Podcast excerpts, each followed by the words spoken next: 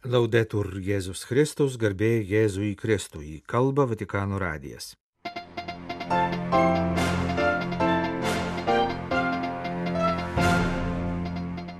Jau tik dešimt dienų iki Portugalijoje vyksiančio pasaulio jaunimo susitikimo. Trumpai priminsime pasaulio jaunimo dienų pradėtų popiežiaus Jono Pauliaus antrojo istoriją. Pristatysime dar vieną būsimą kardinolą - Lenkijos Lodzės arkivyskupą. Vienuoliai bazilijonai Hersone tarnauja nuo karo kenčiantiems žmonėms. Kenijos vyskupai prašo valstybės vadovus atsižvelgti į žmonių protestus, o šalies visuomenė prašo neleisti, kad protestai virstų smurtu.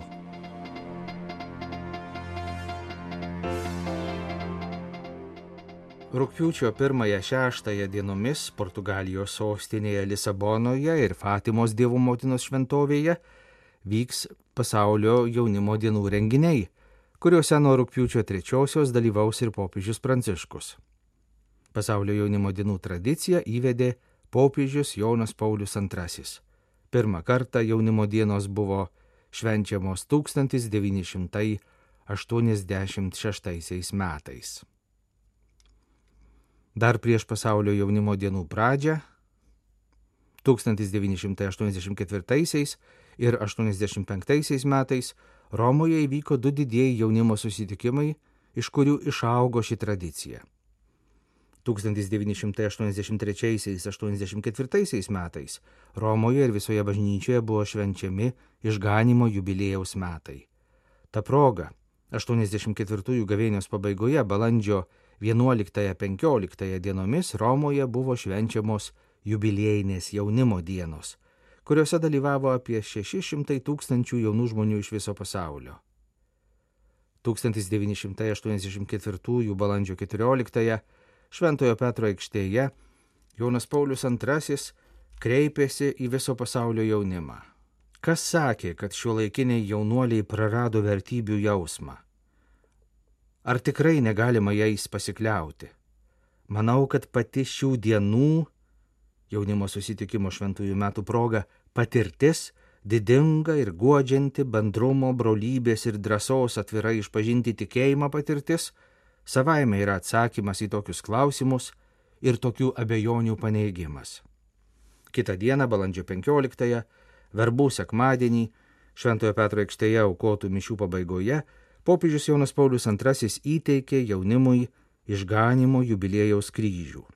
Šis kryžius įteiktas kaip šventųjų metų atminimo simbolis, tapo jaunimo dienų kryžiumi lydinčių jaunimą per visas iki mūsų dienų švestas pasaulio jaunimo dienas. Junktinių tautų organizacija 1985 metus buvo paskelbusi tarptautiniais jaunimo metais. Į jų minėjimus įsijungė ir katalikų bažnyčia.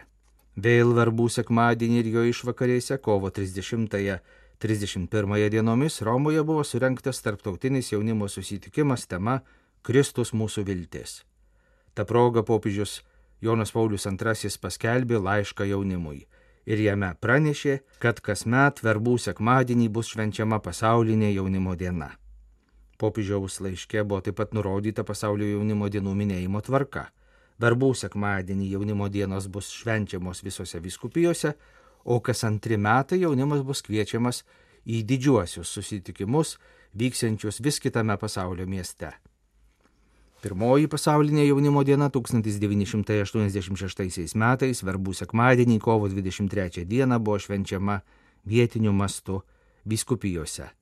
Antrosios pasaulinės jaunimo dienos proga 1987 balandžio 11-12 dienomis Argentinos sostinėje Buenos Airėse įvyko pirmasis didysis jaunimo iš viso pasaulio susitikimas, kuriame dalyvavo ir popiežius Jonas Paulius II. Iš pradžių buvo laikomasi 1985-aisiais Jono Pauliaus II nustatytos tvarkos. Po didžiojo pasaulinio susitikimo kitais metais jaunimo diena buvo švenčiama vyskupijose, o dar po metų vėl buvo rengiamas didysis pasaulinis susitikimas. Antrą kartą toks susitikimas 1989 vasarą buvo surinktas Ispanijos Santiago de Compostela šventovėje. 91-aisiais jaunimas buvo pakviestas į Lenkijos Čenstakavą.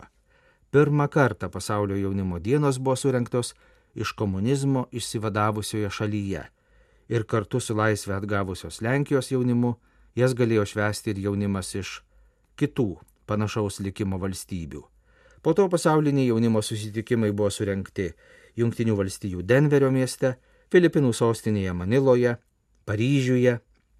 Susitikimas Maniloje buvo rekordinis, jame dalyvavo net 4 milijonai jaunuolių. Po 1997 Paryžiuje vykusių pasaulio jaunimo dienų kitas pasaulinis susitikimas buvo surinktas ne po dviejų, bet po trejų metų. Tai buvo didžiojo krikščionybės jubiliejaus pasaulio jaunimo dienos surinktos Romoje 2000 metų vasarą. 2002 pasaulio jaunimo dienos vyko Toronte, Kanadoje. Juose paskutinį kartą dalyvavo šios tradicijos pradininkas popiežius Jonas Paulius II.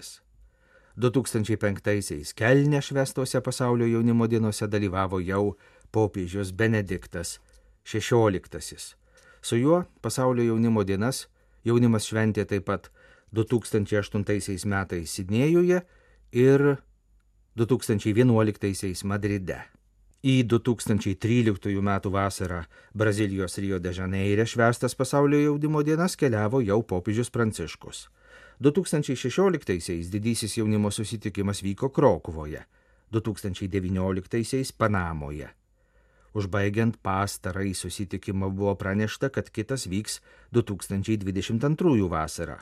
Tačiau prasidėjusi COVID-19 pandemija privertė jaunimo dienų susitikimą Lisabonoje nukelti į 2023. Popiežius Pranciškus taip pat pakeitė vyskupijose švenčiamų pasaulio jaunimo dienų tvarką. Anksčiau švestos verbų sekmadienį, nuo 2021 metų jos švenčiamos per liturginius metus užbaigiančią Kristaus karaliaus iškilmę.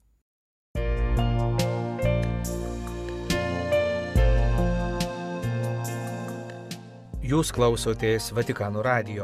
Tęsėme žinių laidą lietuvių kalba.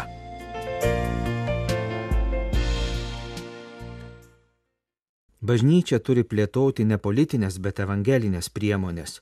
Ir jei kas nors nenori to daryti, o tik žvelgia į politinę valdžią siekdamas saugumo jausmo, labai klysta. Interviu Lenkų katalikų žinių agentūrai KAI sako Lodzės arkivyskupas Gžegožas Ryš, kuris rugsėjo 30 dieną bus paskirtas kardinolu. Bažnyčios tikslas skelbti Evangeliją. Ji egzistuoja dėl evangelizacijos. Pasak arkvyskupo žodis evangelizacija nesiriboja vien bažnyčios vidiniais reikalais, kurie jai vienai ir terūpi. Evangelizacija tai susitikimo su pasauliu erdvė.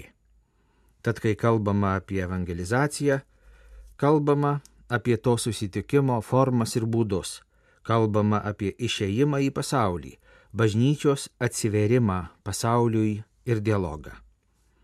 Aptardamas bažnyčios Lenkijoje padėtį, arkivyskupas sakė, kad reikėtų su tam tikra distancija žvelgti į tą praeitį, kuriai buvo būdinga masinė katalikybė. Žmonių tikėjimas turi remtis religinė patirtimi, kuri yra susitikimas su konkrečiu asmeniu. Tas asmuo yra Jėzus Kristus.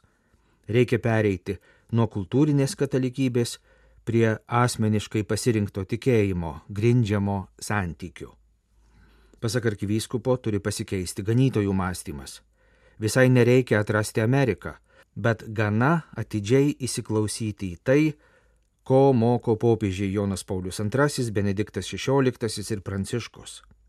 Naujoji evangelizacija tai eiti su Evangelija pas tuos, kurie yra pakrikštyti, bet šis faktas jų gyvenime nustojo būti svarbus. Naujoji evangelizacija reikalinga ypač ten, kur atrodo, kad viskas yra krikščioniška kad visa visuomenė turi krikšto metrikas, kad visa kultūra yra krikščioniška. Reikia kelti klausimą, kokia asmeninio tikėjimo patirtis slypi už to fasado. Busimasis kardinolas priminė, kad pastarųjų dešimtmečių popiežiai labai daug dėmesio skyrė naujosios evangelizacijos tematikai, o popiežius Pranciškus naujosios evangelizacijos savoką papildė pastoracinio atsivertimo savoką. Tai įsitikinimas, kad būtina atsisakyti siekimo užkonservuoti bažnyčios būklę tokią, kokią turime. Bet reikia imtis misionieriškos veiklos. Negalime tenkintis tuo, ką turime, bet reikia išeiti pas žmonės, ypač pas tuos, kurie dar neseniai priklausė bažnyčiai, o šiandien, nors yra pakrikštyti, tačiau praktiškai jau nebepriklauso. Pasak arkivyskupo būtent apie tai kalbama Evangelijos pagal Matą dešimtajame skyriuje, kai Jėzus, siūsdamas savo mokinius į misiją, prašo eiti ne pas pagonis, bet pirmiausia ieškoti pražuvusių Izraelio namų avių. Pokalbėje su busimuoju kardinolu Lodės arkivyskupu Gžego Žuris užsiminta ir apie Lenkijoje dalies visuomenės ir tikinčių bendruomenės kritikuojamus per nelik stiprius bažnyčios vadovų ir politinės valdžios tarpusavio ryšius. Altoriaus ir sosto sąjunga tai iš tiesų Lenkų sąmonėje labai įsitvirtinusi klišė. Sekmadienį Liepos 9 dieną Čenstakavos šventovėje įvyko daug žmonių papiktinės įvykis, kai vienos pagrindinių politinių partijų vadovas prieš pat mišes vykdė rinkiminę agitaciją, o ne vienas iš dalyvavusių vyskupų neprotestavo. Tad kokia turėtų būti bažnyčios pozicija politikos atžvilgių? Bažnyčia turėtų plėtoti ne politinės, bet evangelinės priemonės - skelbti žodį, švęsti sakramentus, kurti bendruomenę ir daryti artimo meilės darbus. Būtent tuo ir remiasi bažnyčia. Ir jei kas nors nenori to daryti, o tik žvelgia į politinę valdžią siekdamas saugumo jausmo, tas labai klysta, atsakė būsimasis kardinolas.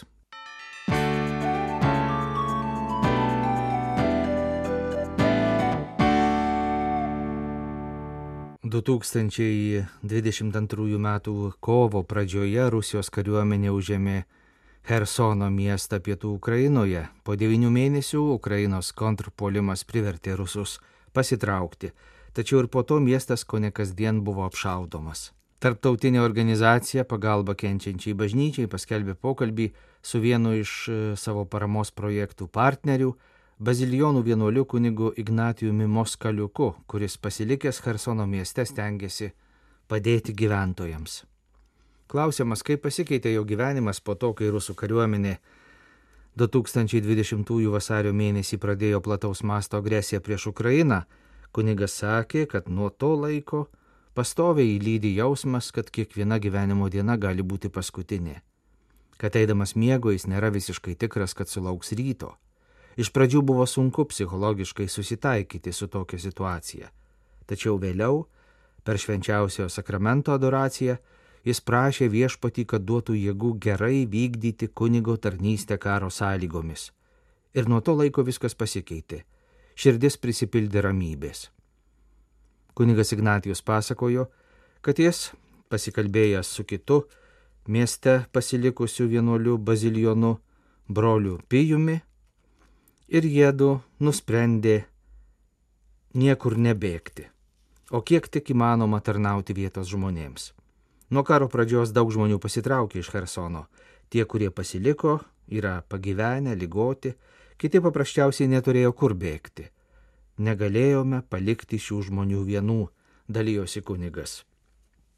Naujas tragiškas smūgis Hersonui buvo naujosios Kachovkos užtvankos sunaikinimas kai sužinojome, kad sugriauta naujosios Kachovkos užtvanka, kad vanduo Hersone gali pakilti 3 ar 4 metrus, visi išsigandome.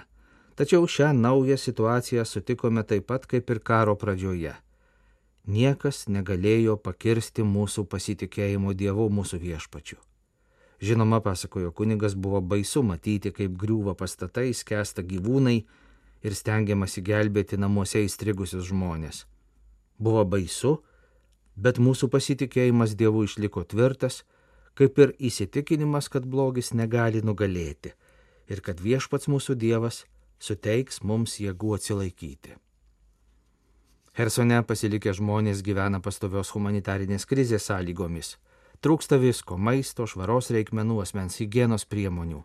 Tačiau ačiū Dievui, vienaip ar kitaip sugebama gauti maisto ir būtiniausių dalykų sakė kunigas, dėkodamas Dievui už visus, kurie turi dosnę širdį ir yra pasirengę padėti.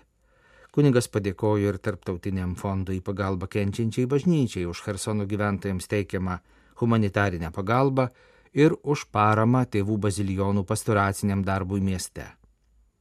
Dėkojame Dievui, kad esame gyvi ir sveiki, galiausiai sakė kunigas Ignatijus Moskaliukas. Taip pat stebuklas, kad mūsų vienuolynas ir bažnyčia išliko, kad turime kur melstis ir kad mūsų bažnyčia nėra tuščia, bet pilna žmonių. Dėkojame Dievui ir už tai, kad mums davė globėją šventai Juozapą, kuriam pavedu mūsų vienuolyną ir mūsų miestą. Dėkoju Dievui ir šventajam Juozapui už tai, kad mus globoja.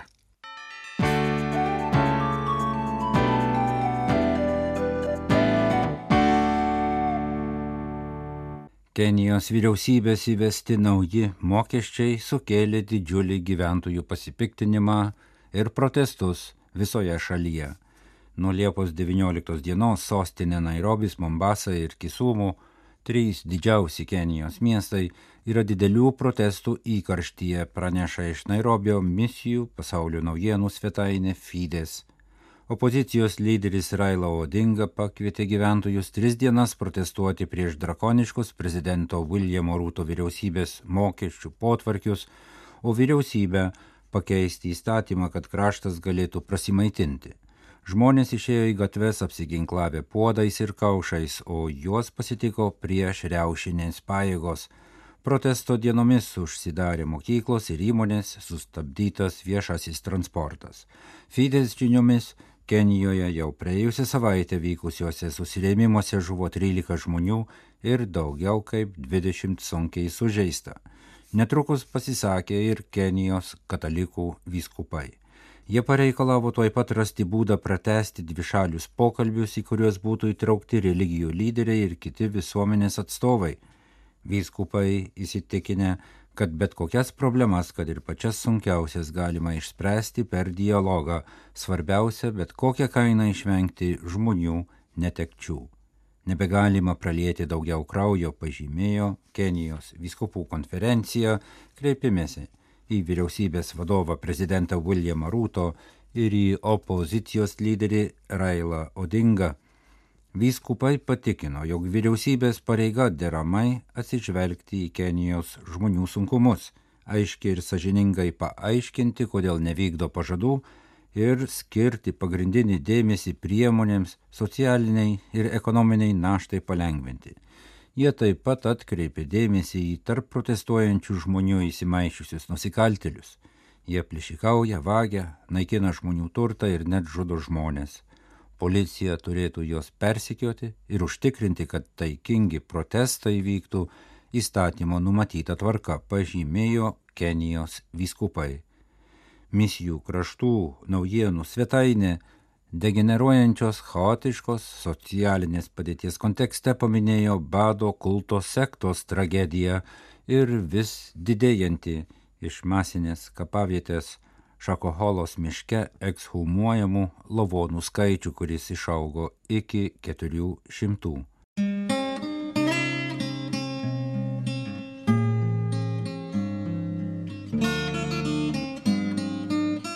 Kalba Vatikano radijas. Laidą lietuvių kalba baigėme.